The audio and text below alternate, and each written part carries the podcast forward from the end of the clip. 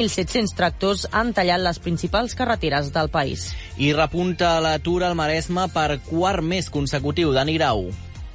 Segons l'Observatori de Desenvolupament Local del Consell Comarcal de la Maresma, hi va eh, 248 nous demandants de feina, un 1,18 més en percent, cosa que deixa la xifra en total de 21.259 persones. La taxa de l'atur al Maresme és el 9,67. I es busca un nou jutge de pau substitut a Palafolls, Melina Morilla. Aquesta convocatòria neix que, després que l'anterior jutge de pau substitut, en Jordi Pigrau, fos escollit com a jutge de pau titular, després també que Josep Molina acabés el seu mandat a Palafolls. I que l'ella comença a treballar en un pla de seguretat local, Gemma Ponce. La redacció de document que es va anunciar en el darrer ple municipal ha de servir per donar resposta a les necessitats específiques de seguretat en l'àmbit municipal. I l'Ajuntament de Sant Vicenç impulsa accions per reduir el malbaratament d'aigua. Pol Costa. Durant els últims mesos, al municipi s'han aplicat totes les mesures decretades en les diferents fases de la sequera i ara també s'està treballant amb altres solucions centrades en reduir el malbaratament d'aigua i millorar-ne la gestió. I a Malgrat, Assumpta Mercader i Salvador Montalt eh, s'incorporen al Consell Sectorial de Cultura. Laura Espanyol. Els dos malgratencs han estat proposats a títol individual per, part de, per la seva trajectòria vinculada al món cultural i també la malgratenca Olga Alcanya ha estat nomenada vicepresidenta del Consell.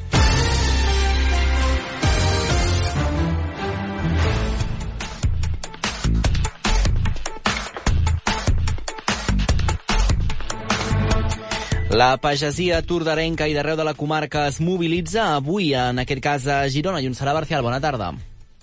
Bona tarda. Doncs sí, els pagesos catalans s'han sumat a les mobilitzacions que des de fa uns dies tenen lloc a diversos països europeus per protestar contra la política agrària de la Unió Europea, també contra la burocràcia i per defensar els seus drets sota un clam la nostra fi, la vostra fam. Segons la plataforma 6F, que ha convocat la protesta, hi participen uns 3.700 tractors en uns talls i marxes lentes que estan afectant diferents carreteres i autopistes del país. Les afectacions afectacions a la mobilitat han començat a primera hora del matí i es preveu que durin hores, inclús fins demà, en un dia molt complicat en els principals eixos viaris.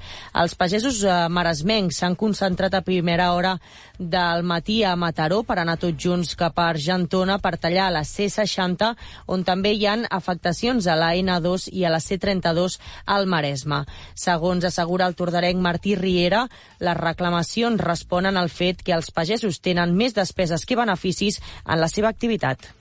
Bueno, el que està passant a França, a Alemanya i això és, és un crit de, de, de socors de la pagesia del sector primari de, de que estem amb, amb una falta de rendibilitat econòmica de les nostres explotacions. I llavors, eh, abans de tenir que eh, de posar en risc seriós la, la, les explotacions, volem que s'arreglin el, el, que ens puguem guanyar la vida amb la nostra feina.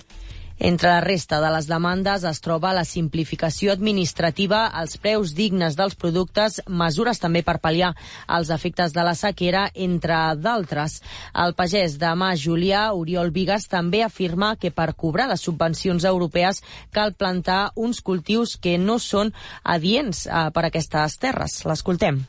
Bueno, amb la nova PAC que hi ha, la, clar, el PAC seria eh, la, la subvenció a nivell d'Europa que cobrem per poder arribar a aquests costos de producció, ens diuen els cultius que hem de fer. I normalment, o unes rotacions que, vale, aquestes rotacions van ficades des de nivell d'Europa i cada regió d'Europa és diferent. Aquí hi ha cultius que no es poden fer en segons quins camps perquè llavors deixes de, de produir i clar, al, al final eh, és el peix que es mossega la cua perquè si tu per poder cobrar la subvenció has de plantar un cultiu que no s'adapta o que la fauna salvatge t'hi ataca molt al final estàs perdent encara més perquè tu has de ser lliure, has de plantar el que tu creus convenient.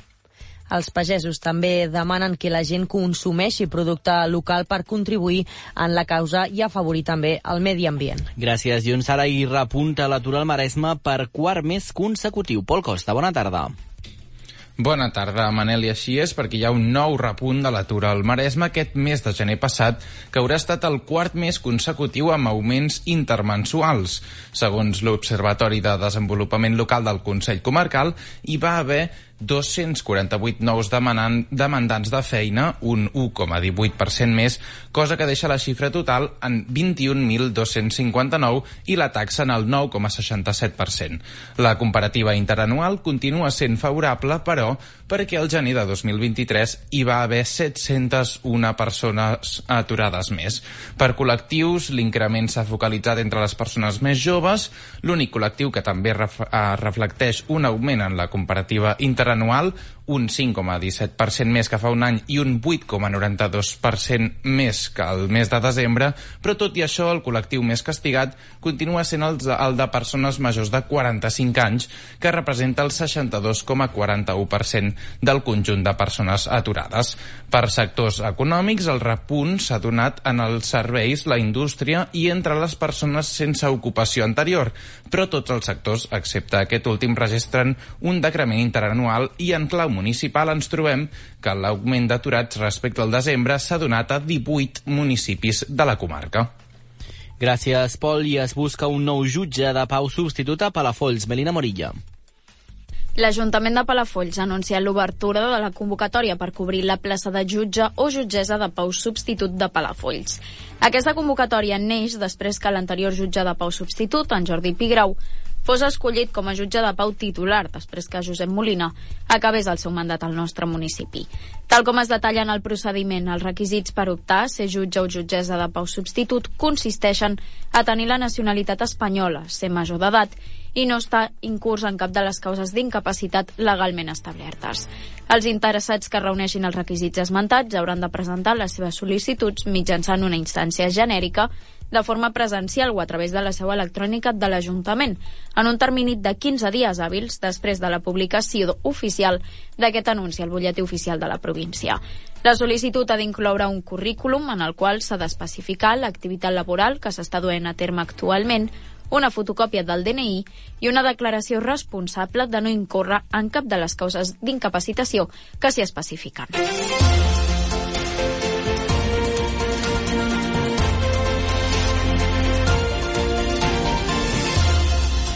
Seguim endavant explicant que hi ha hagut un nou desnonament enmig del foc creuat entre l'Ajuntament de Premià de Mar que reivindica la feina dels serveis socials i la xarxa d'habitatge. Gemma Ponce, bona tarda. Bona tarda. Aquest matí s'ha executat un nou desnonament d'una família al carrer Joan Prim de Premià de Mar. És un desnonament que va portar ahir a l'Ajuntament a publicar un comunicat en la qual defensa la labor de l'àrea de serveis socials, en aquest cas concret i en tots els casos semblants que es produeixen al llarg de l'any. La nota de premsa es publicava pocs dies després que l'alcalde carregués contra la xarxa d'habitatge amb tot un seguit d'acusacions i desqualificacions i reivindiqués la labor d'aquest departament arran d'una acció recent de protesta d'aquesta entitat. En el seu comunicat, l'Ajuntament de Premià de Mar afirma que fa 15 anys que Serveis Socials treballa en el cas d'aquesta família que finalment ha estat desnonada al seu domicili del carrer Joan Priem aquest matí, amb una nova convocatòria de la xarxa d'habitatge per impedir-ho. L'execució que s'ha ajudat d'un ampli desplegament policial s'ha dut a terme entre les 8 i les 11 del matí i ha estat seguida d'una nova concentració de la xarxa a les portes de l'edifici municipal de Cala Escoda. Segons el consistori, s'ha brindat a la família una atenció constant i se l'ha acompanyat també en les gestions amb altres administracions com la Generalitat, amb la qual s'ha treballat, afirmen, de manera coordinada a través de la mesa d'emergència. També assegura comunicat que en aquest cas de desnonament i en tots els altres, l'Ajuntament garanteix que la família no es quedarà al carrer, ja que si no disposen de l'allotjament temporal, Serveis Socials buscarà una alternativa i n'assumirà el cost. Després d'això, de la publicació a Instagram, també explica que durant el 2023 s'han atès a prop de 190 casos de risc de pèrdua d'habitatge, en els quals diuen s'ha intervingut abans, durant i després del desnonament. Afegeixen també que, més enllà d'aquesta casuística, el Departament ha brindat atenció, també durant el 2023, a 1.300 famílies per a altres qüestions. Un departament afegeixen que compta amb el pressupost anual de prop de 2 milions d'euros. Gràcies, Gemma. Seguim endavant explicant que, que l'Ella comença a treballar en un pla de seguretat local, Gemma. I és que el Pla de Seguretat Local és una eina que ha de permetre dotar a la ciutat d'un document que recollirà les prioritats que determinaran les polítiques de seguretat que es poden implementar al municipi. La creació d'aquest pla va ser un dels punts més debatuts del darrer ple municipal eh, d'aquest passat dijous. Des d'Esquerra de Calella demanaven, a més a més, poder crear una taula de seguretat, de civisme i convivència amb els grups municipals, govern, cossos policials i entitats socials implicades. Des del govern caleienc no consideren que sigui una mesura operativa i asseguren que amb les reunions periòdiques polítiques amb els grups municipals és suficient. En el que sí que s'han compromès és que aquest pla tingui una visió inclusiva i en perspectiva de gènere. Ja en el darrer ple municipal, Esquerra va demanar un pla de seguretat local i en aquell moment el tinent d'alcaldia responsable de seguretat de l'Ajuntament de Calella, Sofian Larussi, va justificar que de les 200 policies locals només 50 disposen d'aquest pla que no és obligatori per llei, tot i que pensaven impulsar-lo. El dimecres passat, en el marc de la Junta de Seguretat Local, el govern va anunciar que finalment s'impulsava i en el ple de dijous el govern caleienc va acusar Esquerra de fer partidisme en dur una moció demanant algun pla de seguretat local quan el dia anterior s'havia anunciat que se n'impulsaria un.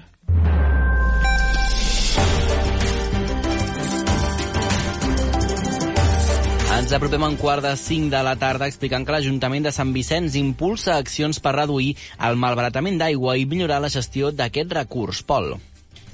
Sí, perquè en l'àmbit públic al municipi s'han aplicat totes les mesures decretades en les diferents fases de la sequera, com el tancament de les dutxes i el rentapeus de la platja, o la prohibició de regar zones verdes i netejar la via pública amb aigua potable. També s'està treballant amb altres mesures encaminades a reduir el, mal el malbaratament d'aigua i millorar-ne la gestió.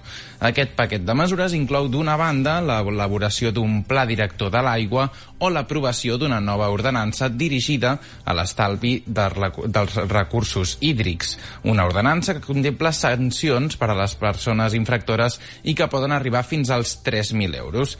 D'altra banda, es preveuen inversions orientades a la renovació de la xarxa de distribució, com la substitució de canonades per evitar fuites.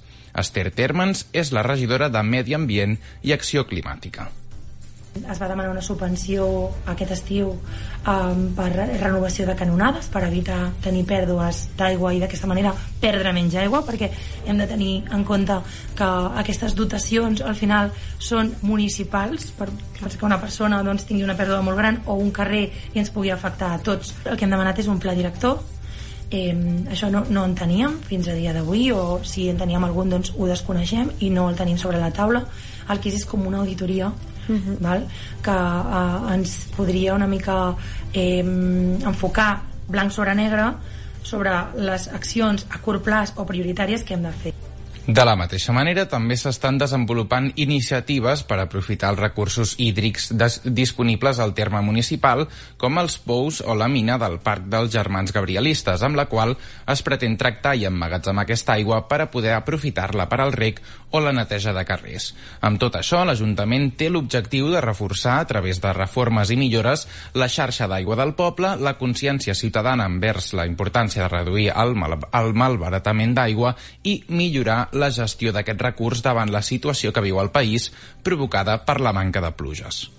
Gràcies, Pol. Expliquem avui també que tancar les dutxes, per exemple, de la platja va estalviar 4,5 milions de litres d'aigua a Calella. Gemma. Així és perquè el tancament de les dutxes de la platja l'estiu passat va reduir de forma important el consum d'aigua a Calella. Va ser una mesura que no va ser exempta de polèmica per les implicacions que tindria a nivell turístic en el sector. En va ressalar, però l'alcalde considera doncs, ara que va ser encertada. No en va, ara serà d'obligat compliment a les poblacions costaneres de l'àrea metropolitana de Barcelona i també a les comarques de Girona. És una de les noves restriccions imposades en l'actual situació d'emergència per sequera. Marc Buch n'ha parlat en declaracions a Ràdio Calella televisió. Una acció que ens ha portat doncs, a Calella estalviar 4 milions i mig de litres d'aigua, per tant, una decisió que el temps ens ha demostrat que ha sigut encertada i nosaltres, com a govern, doncs, ens posem a la disposició de la Generalitat, a la disposició dels ciutadans, però el que demanem doncs, a la Generalitat també és que ens tingui compte i que a l'hora doncs, d'aplicar restriccions tingui en compte les capacitats eh, i els recursos que tenim els ajuntaments i que evitem els fets consumats Marc Bucla, alcalde de Calella, reitera el compromís de la ciutat amb la lluita contra l'emergència climàtica i cita el projecte de construcció d'un dipòsit d'aigües pluvials al Parc del Mau com un dels més ambiciosos del paquet d'actuacions que es finançaran amb els Next Generation. Amb tot, Marc Buc demana a l'administració catalana que acompanyi el municipalisme a adaptar-se al nou context i entrar en el procés de transició ecològica que els prepari per episodis futurs. Seguim explicant i en aquest cas una, una, un de successos perquè el restaurant Massa Mare de Canet tanca pels efectes de l'incendi que explicàvem el divendres en aquest programa d'ànim. El foc ha provocat una esquerda al sostre del seu edifici i, per tant, han de romandre tancats fins que no se'n repari. De fet, estan pendents que s'enderroqui el que ha estat eh, que quedava en peus de l'antiga fàbrica després de l'incendi, però abans caldrà apuntalar el seu edifici i després s'haurà d'arreglar l'esquerda que ha aparegut al sostre. La conseqüència per ella i els seus empleats, per Mònica Serra, la propietària, és no poder treballar. A més, tenia les neveres plenes per fer front al cap de setmana passat i un, un de reserves de cara al Carnaval. Diu que, en principi, qui ha d'assumir els costos d'aquesta situació és l'assegurança del propietari de l'edifici, la Sareb, el banc dolent, però li han dit que prengui paciència. Escoltem Mònica Serra. En teoria hauria de ser l'assegurança del propietari.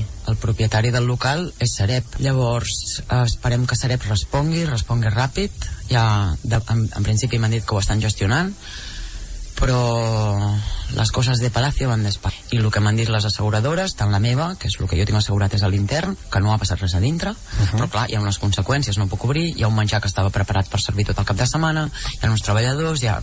Llavors tot això ara ho estem gestionant. M'han dit paciència. Ha sigut la paraula, paciència. D'altra banda, ha volgut agrair la tasca de tots els professionals que van intervenir per extingir l'incendi i les mostres de suport que ha rebut durant tots aquests dies.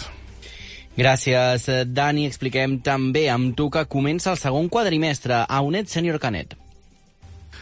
Sí, Manel, just aquesta setmana han començat les classes del segon quadrimestre de la UNED a la nostra vila. De fet, la primera assignatura que ha donat el tret de sortida ha estat la de matemàtiques, un viatge inesperat a través de les matemàtiques 2, en segona part, i que imparteix la Núria Pronet. Es tracta d'un curs teòric que l'any passat ja van oferir i que va tenir molt d'èxit. Enguany eh, han canviat el temari, però la idea és la mateixa. Explica el món a través de les matemàtiques. D'altra banda, els dimarts es farà el curs d'Història de la Música Bill Evans i el pianisme del jazz modern, a càrrec del músic canadenc Xavier Otres, un curs que ja es va oferir a la UNED de Barcelona i davant del seu èxit um, que va tenir la capital catalana, han volgut portar-lo també a la nostra vida. Els dimecres, l'historiador Carles Saiz impartirà l'assignatura Història de l'art de mar del modernisme al noucentisme. Es tracta d'un curs que és la primera vegada que es fa canet i que contextualitza la història del poble amb la història del modernisme en un període molt concret. Eh, finalment, els dijous es farà un curs d'anglès, una continuació del que es va fer durant el quadrimestre passat. Tots els cursos eh, es fan de 6 a 8 del vespre, eh, són cursos d'extensió universitària adreçats a persones majors de 50 anys i es fan un cop per setmana i cada sessió dura dues hores. En total, el curs contempla 30 hores i no hi ha exàmens per matricular-se. Es pot fer des de la web de l'Ajuntament de Canet o també de la web de UNED Barcelona. Cada assignatura té un cost de 40 euros i l'import del matrícula es pot pagar al web de via de Tafun. També es poden fer els cursos de forma, de forma online. En aquest cas, cal destacar que UNED, Canet, és l'únic centre UNED que continua oferint classes de forma híbrida a través de la plataforma Zoom. Aquesta modalitat té una rebaixa del 50%. Per tant, el cost és de, és de 20 euros. La matrícula està oberta durant tot l'any.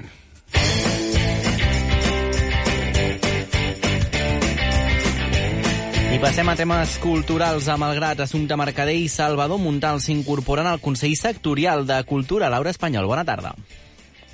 Bona tarda. El Consell Sectorial de Cultura ha decidit incorporar dos membres més, l'escriptora, narradora i actriu Assumpta Mercader i Salvador Montal, membre del Cineclub Garbí, de l'Associació Catalana de la Crítica i Escriptura, i Escriptura Cinematogràfica i editor del blog Club 7 Cinema. Lourdes Borrell, regidora de Cultura, ha explicat que s'ha proposat la incorporació de Mercader i Montal, que ja havien format part del Consell, per la seva trajectòria al món cultural. Borrell també ha detallat que la malgratenca Olga Ocanya ha estat nomenada president, vicepresidenta.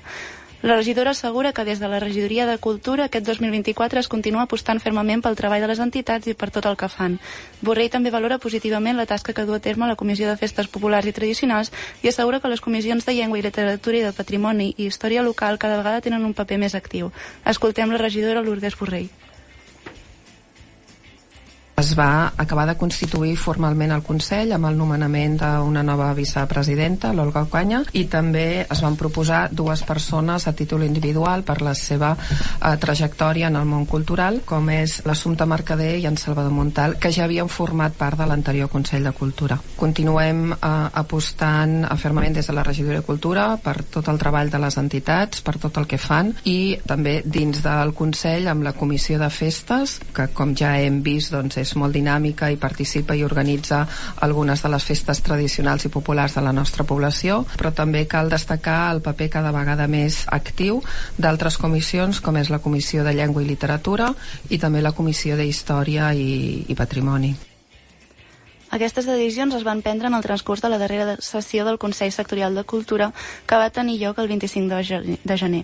La reunió també va servir per avançar que en la propera trobada, que tindrà lloc el 25 d'abril, s'incorporaran dues entitats més, la Comissió de Reis i Amics de la Sarsuela. La propera reunió del Consell Sectorial de Cultura tindrà lloc el 25 d'abril a les 10 del matí i recordem que les sessions sempre són obertes a la ciutadania.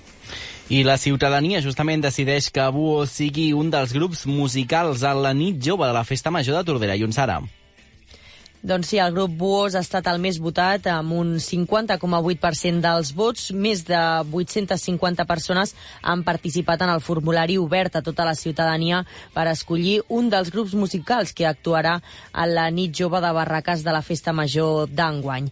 A més, en aquesta edició era la primera vegada que també es deixava opció oberta dins del procés perquè es proposés el grup o la banda musical que en una segona fase ha passat a escollir-se públicament entre els tres últims candidats. Aquest 2024, la votació popular, com dèiem, ha superat els 850 vots, quadriplicant així la votació de l'any passat, la qual va rebre 213 respostes. Ho explicava el regidor de Joventut de l'Ajuntament de Tordera, l'Aniol Canals. I estem molt contents perquè hem quadriplicat la participació respecte a l'any passat. Llavors estem parlant de 855 votacions, participacions, eh, que hem, són 600 més que, que l'any passat, llavors estem molt satisfets la resta de la programació i el cartell d'actuacions es desvetllarà més endavant conjuntament amb la presentació de la programació oficial de la Festa Major i des del Casal de Joves també recorda que es poden proposar idees eh, de cara al proper any 2025 que es poden fer arribar totes aquestes propostes a l'adreça casaldejoves.tordera.cat. I tot a punt ja per al Carnaval de Caldetes, Pol. Doncs sí, perquè amb l'arribada del mes de febrer aterren la disbauxa, la festa i la xerinola als carrers de molts municipis del Maresme, un d'ells a Caldes d'Estrac. L'àrea de cultura de l'Ajuntament està immersa en la planificació de la celebració seguint les indicacions del rei Carnestoltes. Els actes tindran lloc aquest dissabte 10 de febrer i començaran amb l'espectacle infantil amb el grup d'animació Toni Vives i la banda dels Nassos a la sala cultural del municipi a partir de les 5 de la tarda. Tot seguit, al voltant de les 7, hi haurà un correbars pels carrers de Caldes amb el grup de xaranga Always Drinking Marching Band. La ruta recorrerà el centre del poble passant per la plaça de la Vila, la Riera, Santa Teresa, el Camí Ral, el Carreró i culminarà a la, a la plaça del Mercat. Per a participar-hi serà imprescindible tenir el got acreditatiu que es podrà adquirir per un euro en efectiu a la plaça de la Vila. Cada consumició es pagarà per separat als diferents establiments i valdrà un euro i mig. Durant la baixada amb la xaranga, l'agrupació de pensionistes també repartirà caldo als més grans i xocolata als més petits davant del casal. I per acabar, a les 9 de la nit, el mercat serà l'escenari de l'entrega de premis per a les millors disfresses de la vuitena edició del concurs de disfresses i comparses, reconeixent la creativitat i l'enginy de les persones participants. Seguidament començarà la nit de tapes al mercat amb el DJ Ricky Vives, que, a continuació, fins les 12 de la nit tindrem la festa a la sala cultural amb DJ Henry Jones de la mà de la colla de geganters i grellers de Caldes d'Estrac.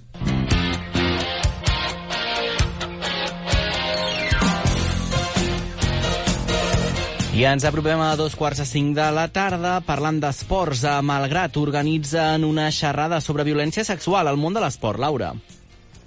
La regidoria d'Esports organitza una xerrada informativa sobre la prevenció, detecció i abordatge de la violència sexual en contextos esportius.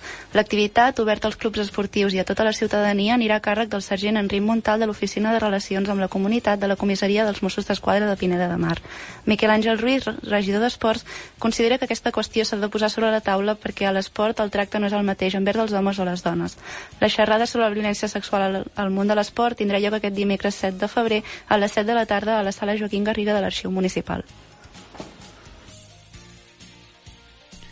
Gràcies, Laura. I el camp de futbol de Palafolls estrena el nou enllumenat que gasta un 60% menys. Melina. Aquesta passada setmana l'equip de l'Ajuntament de Palafolls va instal·lar els nous focus del camp municipal de futbol. El canvi ha consistit en canviar les 24 llumaneres que hi havia a les quatre grans torres per uns nous elements més eficients i sostenibles. Els nous llums, que han costat 36.000 euros, són de tecnologia LED i permeten estalviar un 60% en el consum elèctric. Els focus antics consumien 40.000 48.000 watts de llum, mentre que els nous, amb major intensitat de llum, en consumeixen només 18.000 quan estan tots funcionant. A més, aquests nous focus permetran estipular diferents escenaris per tal de regular intensitats o funcionaments dispars, segons l'ús que es doni a l'equipament. El mal estat de les antigues llums ja havien provocat algun toc d'atenció per part de la Federació de Futbol. Els nous focus LED milloren les condicions d'il·luminació de l'espai i contribueixen a la reducció del consum elèctric en un espai que s'utilitza especialment en hores de foscor, sobretot pels entrenaments. Aquest canvi coincideix amb la Marató per l'estalvi energètic que es fa aquest mes de febrer a Palafolls. El camp de futbol no és un dels equipaments focalitzats en aquesta marató, però el canvi sí que ajuda a conscienciar de la necessitat d'estalviar energia. I els clubs i centres esportius de Tordera s'adapten a les restriccions per la sequera serà? Doncs sí, el govern de la Generalitat ja va confirmar l'entrada en la fase d'emergències del Pla Especial de Sequera del sistema Ter Llobregat, la qual inclouen 202 municipis de les conques internes, entre ells Tordera, i a partir d'ahir, d'ahir dilluns, es van prohibir l'ús de les dutxes a les instal·lacions esportives municipals durant els entrenaments, les quals sí que es podran utilitzar en cap de partit federat i durant el cap de setmana en partits de competició oficial. El rec dels camps esportius de gespa natural o d'altres superfícies que requereixen aquest rec eh, per la part pràctica de l'esport federat es podrà dur a terme quan es compleixin certes condicions. Durant els entrenaments no es podran regar els camps municipals. Per altra banda, amb el nou escenari d'emergència, els gimnasos també hauran de reduir el consum d'aigua per poder continuar omplint piscines. Per això, una, una, un, s'han presentat aquest pla d'estalvi. Entre d'altres mesures, des del SEM Tordera s'està limitant el temps de les dutxes dels usuaris i reduint també la pressió de l'aigua. Ho, ho explicava el responsable de manteniment, en Jesús Saltó. D'entrada, eh, podria dir que el SEM està preparat per aquestes emergències prèvies perquè ja havíem estudiat molts sistemes. Un d'ells és tapar els vasos de compensació perquè no hi hagi evaporació d'aigua, fer menys rentats de, de filtres per es, es que estalviar més aigua, només els necessaris perquè es mantingui la qualitat de l'aigua, i després, ara, el que hem posat en aquests últims dos dies ha sigut unes brides a darrere dels pulsadors del Presto, que són ja mairejadors i tot, per, perquè no tingui tant de recorregut al pulsador. Llavors surti menys quantitat d'aigua. O sigui, si abans tu estaves a sota o una, una dutxa o una aixeta i tenia 40 segons de funcionament, doncs ara en tindrà 20 o 25 com a molt, de moment s'entrarà en aquesta primera fase, cap a l'abril o al maig es podria entrar en el segon estadi amb unes mesures encara més contundents. De moment aquesta primera fase afecta 6 milions d'habitants i entre d'altres mesures obliga als ajuntaments també a limitar el consum màxim per persona idea a 200 litres.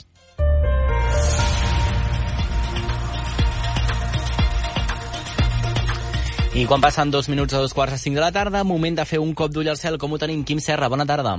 Hola, què tal? Molt bona tarda. Avui la jornada marcada per un lleuger descens de les temperatures màximes després d'aquest matí, sobretot més ennubulat. Aquesta tarda es van obrint algunes clarianes i aquestes temperatures que han quedat entre els 14 i els 15 graus a prop de la costa, on ahir s'arribava fàcilment als 17 graus, per tant, temperatures que han baixat i el mateix a l'interior de la comarca. Ahir, per exemple, a la zona alta de Dos Rius, a Can Massuet del Far, es va arribar a una màxima de 21 graus, avui ha estat de 17. Ambient suau, però no tant. D'entrada s'espera que de cara a demà tornin a pujar una mica les temperatures i és que tindrem un dia majoritàriament assolellat, novament amb vents molt fluixos i, per tant, amb una situació marítima tranquil·la a tota la costa maresmenca, dominada principalment pel marejol.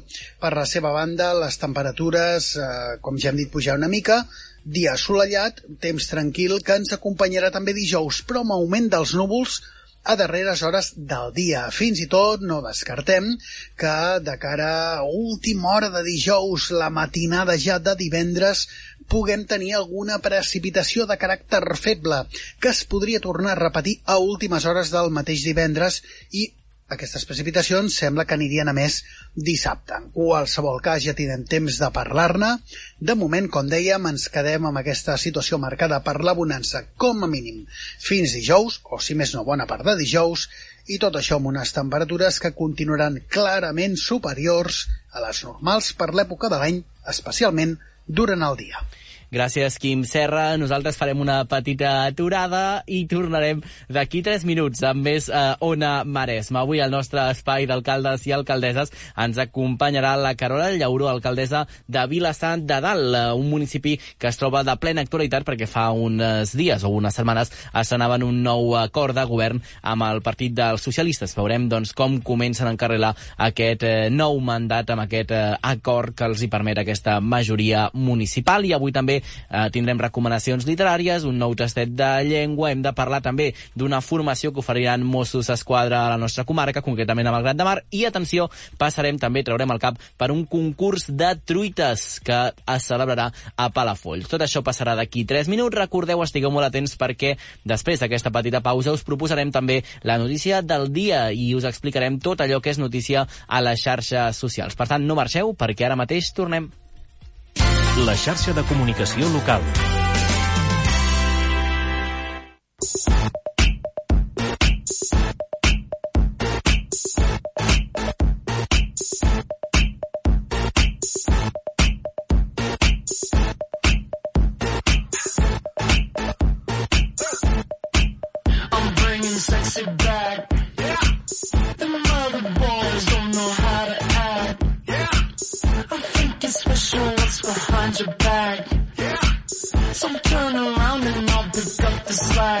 Take him to the bridge. Dirty babe.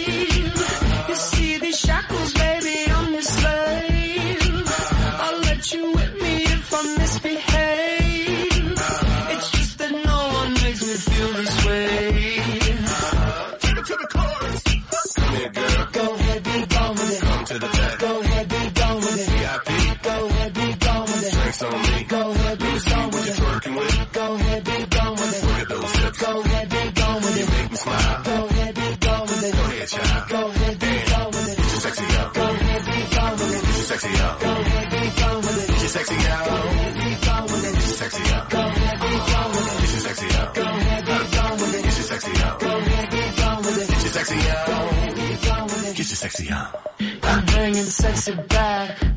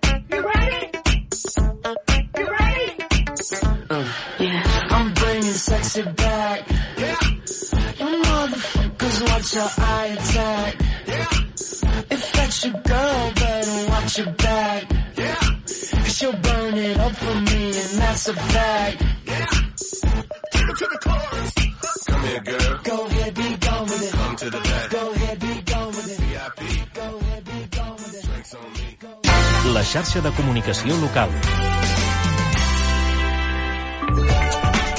Ona Maresma, un magazín de la xarxa per les emissores maresmenques. I ara passen 8 minuts a dos quarts de 5 de la tarda, moment de conèixer l'actualitat a les xarxes. Dani Grau, bona tarda de nou, com estàs? Bona tarda, què tal? Molt bé. Una... Sí, sí. Amb ganes de que ens expliquis què és notícia avui al Maresme. Doncs mira, que en el marc del Festival de eh, Sant Cebrià Negre, que se celebra a Sant Cebrià, se celebrarà a Sant- Cebrià de Vallalta els propers 1, 8, 9 i 10 de març, eh, s'ha convocat dos eh, concursos relacionats amb el gènere negre, eh, concurs de relats de gènere negre i concurs de curtmetratges de gènere negre. Les obres han de ser de gènere negre, policia l'homicidi, escrites en català. L'objectiu d'aquests concursos és fomentar la creativitat aplicada a la literatura i alhora promoure la creació d'obres de preus que generen mm, del gènere per a totes les edats i mm, al plaer del lector. Eh, es poden consultar les bases al web de l'Ajuntament i per a qualsevol dubte o aclariment eh, es pot mm, posar-se en contacte amb la regidora Anna Rodon al telèfon 93 763 10 24. Doncs aquesta és l'actualitat que passa per la nostra comarca i a nivell mundial avui què és notícia?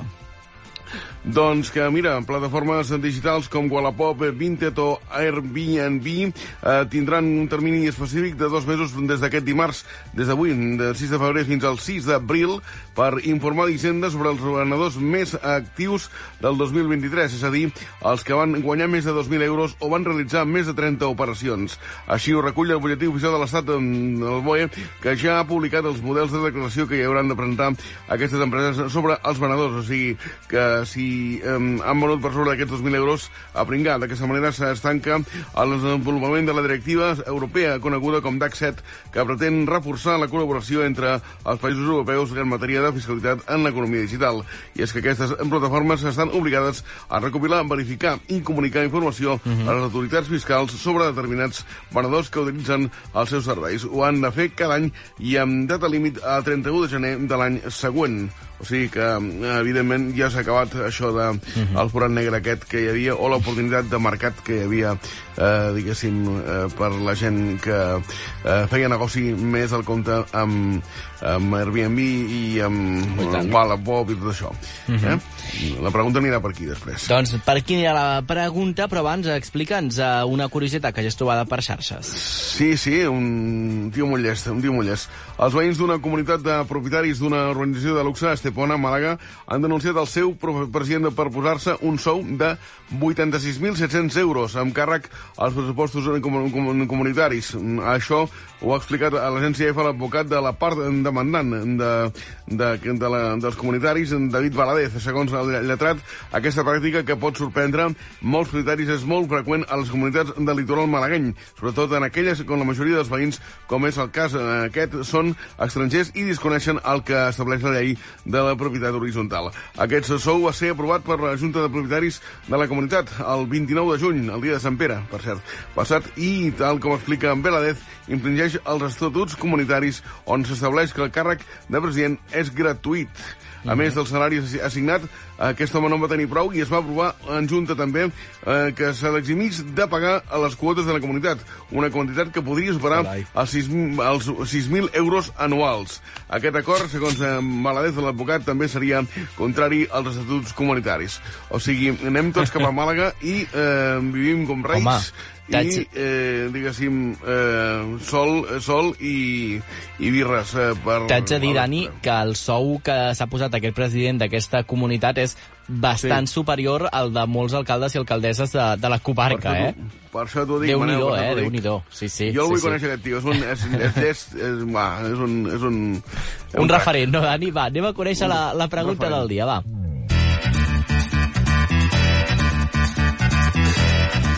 I a veure, Dani, què preguntem avui? Doncs eh, si acostumeu eh, a vendre coses per internet, ja sigui per menys de 2.000 euros o per més Sí. de 2.000 euros, ja sabeu que a partir d'ara, si mm, eh, feu 2.000 euros amb un mm, o 2.001 euros eh, o més, haureu de pagar passar per, mm, diguéssim, per al fisc. Ja et dic, Dani, que el que venem eh, són minúcies i rampoines gairebé que podem arribar a vendre eh, en el cas de que venguem alguna cosa. Eh? És a dir, són unes quantitats, et diria gairebé, que sí, que no arriba ni, no per anar a sopar, ni per anar a berenar gairebé, però bé. Really? Ah, bueno, llavors, eh, llavors us perdonaran. Sí, tranquils, sí, fa no- tanta pena que no, no en traurem res. Va, doncs aquesta és la pregunta. Si acostumeu a vendre coses per internet, Dani, no marxis perquè seguim amb tu.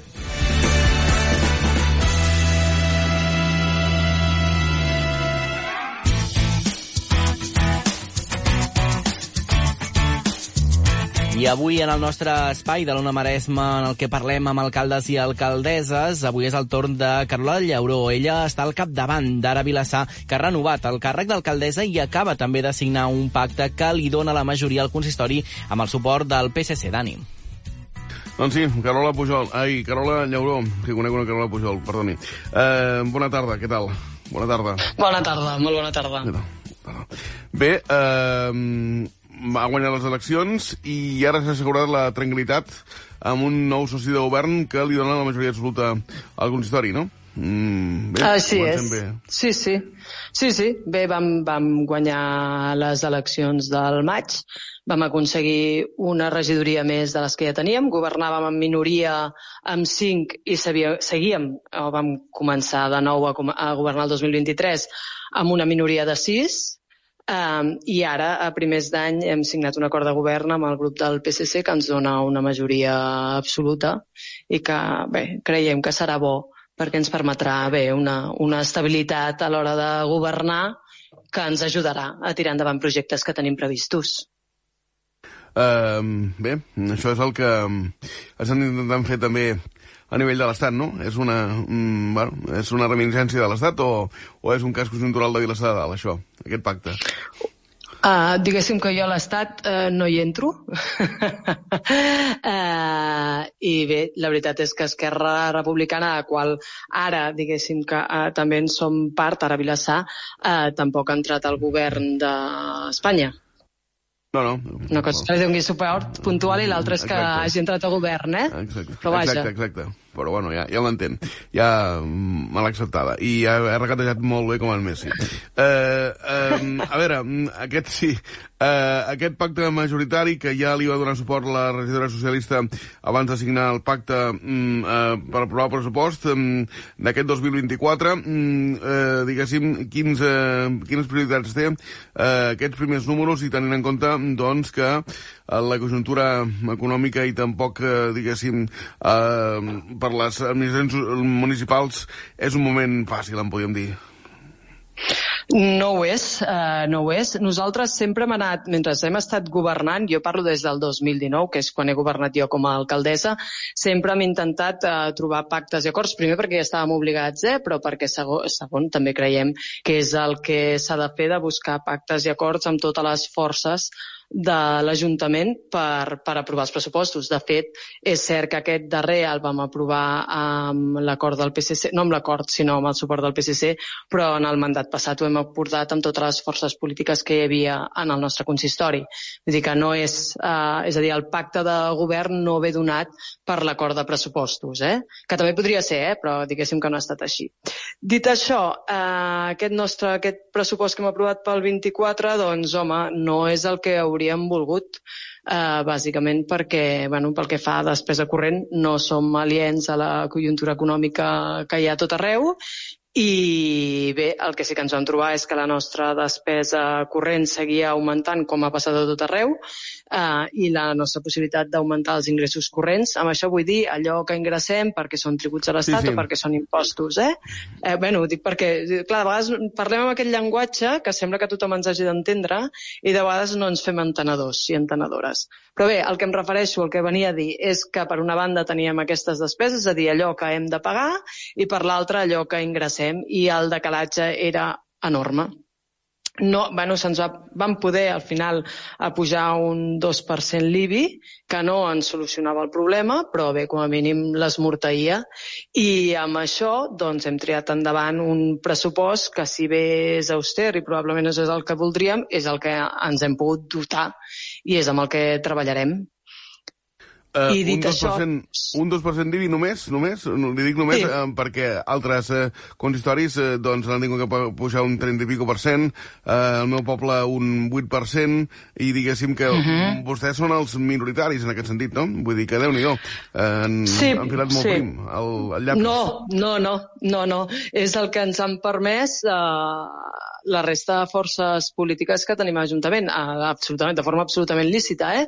Però nosaltres apostàvem per un 4,5, que era la pujada de l'IPC, Ah, però no el vam aconseguir. Vull dir que no, no és el que necessitàvem, però bé, entre res i un 2, doncs un 2, que al final es, poc, es nota poc a les butxaques dels nostres convilatants i a nosaltres ens Mhm. ajuda una miqueta.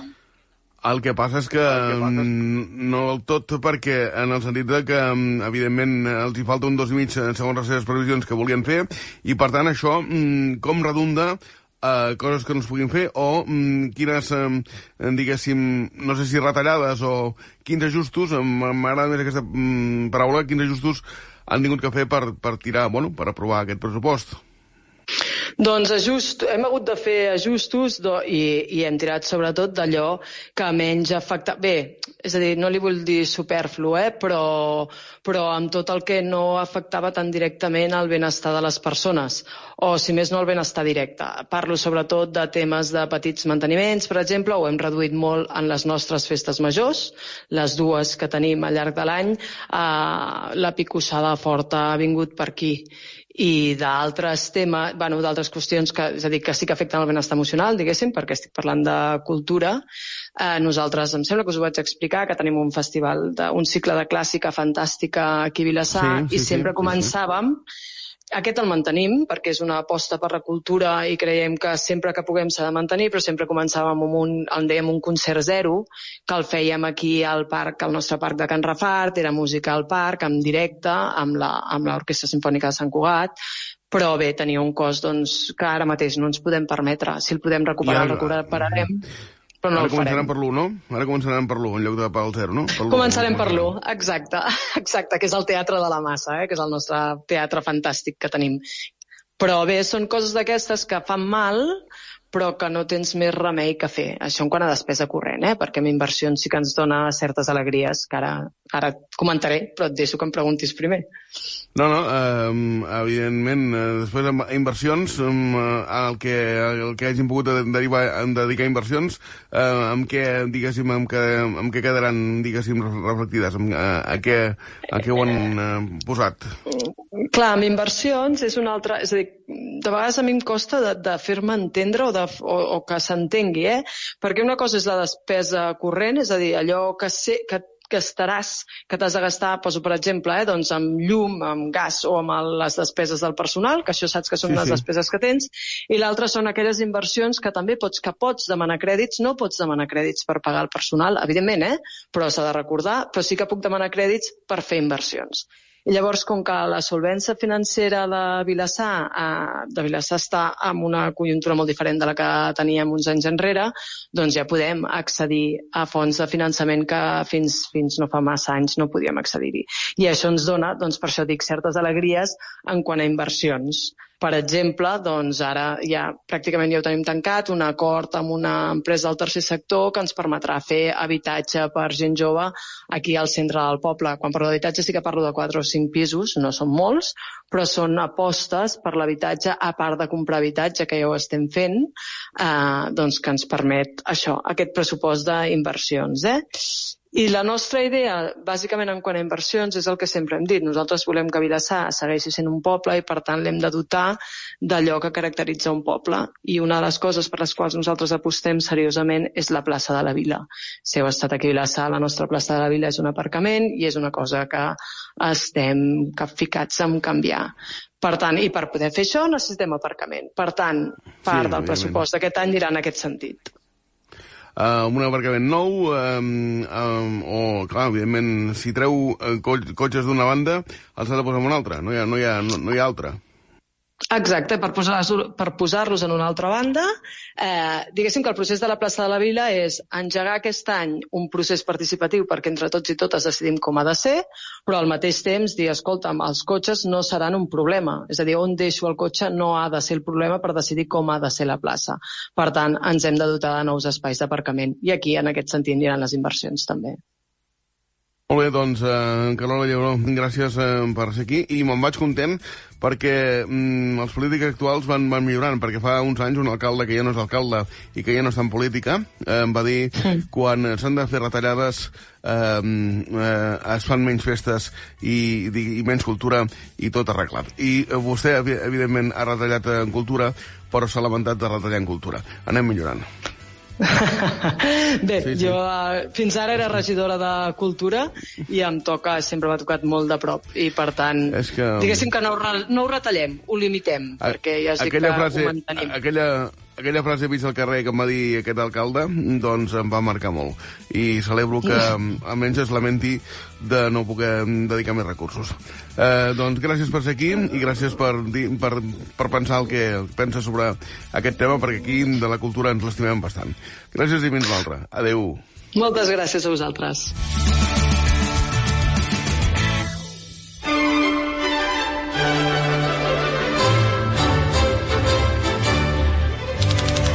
Doncs gràcies de nou a l'alcaldessa per acompanyar-nos i és el moment de conèixer què passava tal dia com avui, un 6 de febrer d'altres anys. On serà? Doncs sí, perquè hem de tirar enrere, hem d'anar fins al 1973, perquè tal dia com avui va començar al Canadà la construcció de la torre CN de comunicacions, la més alta del món fins al 2007 i Mhm. actualment la, més, eh, la que té més alçada d'Amèrica, amb una alçada de 553 metres. Està equipada amb un observatori ubicat a 447 metres, sent aquest un dels més alts del món i considera, considerada com una de les set meravelles del món modern segons la Societat Nord-Americana d'Enginyers. Manel. Uh -huh. Doncs eh, aquesta és una de les dades que comparteixen dia aquest 6 de febrer i què més passava tal dia com avui? Doncs mira, anem a parlar una miqueta del coronavirus, eh? perquè Mhm. ja fa un temps que està entre nosaltres, amb aquesta pandèmia que tots coneixem, doncs fa quatre anys el metge xinès Li Gunling el, va ser el primer que va alertar sobre l'aparició del coronavirus. Doncs tal dia com avui va morir afectat d'aquesta malaltia a Wuhan, on es va originar la pandèmia. Juntament amb set metges més va ser el primer en alertar tothom sobre aquest uh, nou virus que ell mateix doncs, va emmalaltir i uh, va acabar morint. La mort del metge per això Mhm. va provocar un nivell d'indignació uh, pública i també de dolor sense precedents a la Xina, perquè després d'una jornada de caos i també de desmentir notícies, les autoritats sanitàries xineses finalment doncs, van confirmar la mort d'aquest jove metge que va morir la matinada del 6 al 7 de febrer del 2020.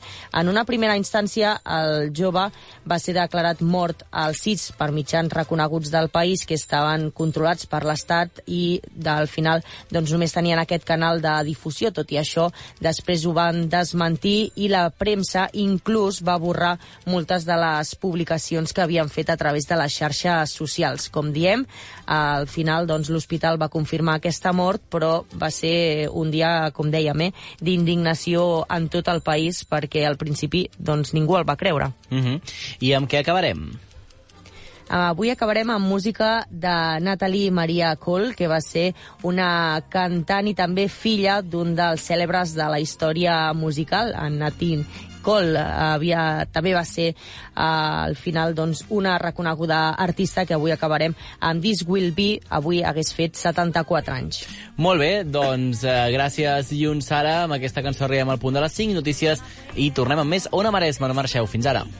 First time anyone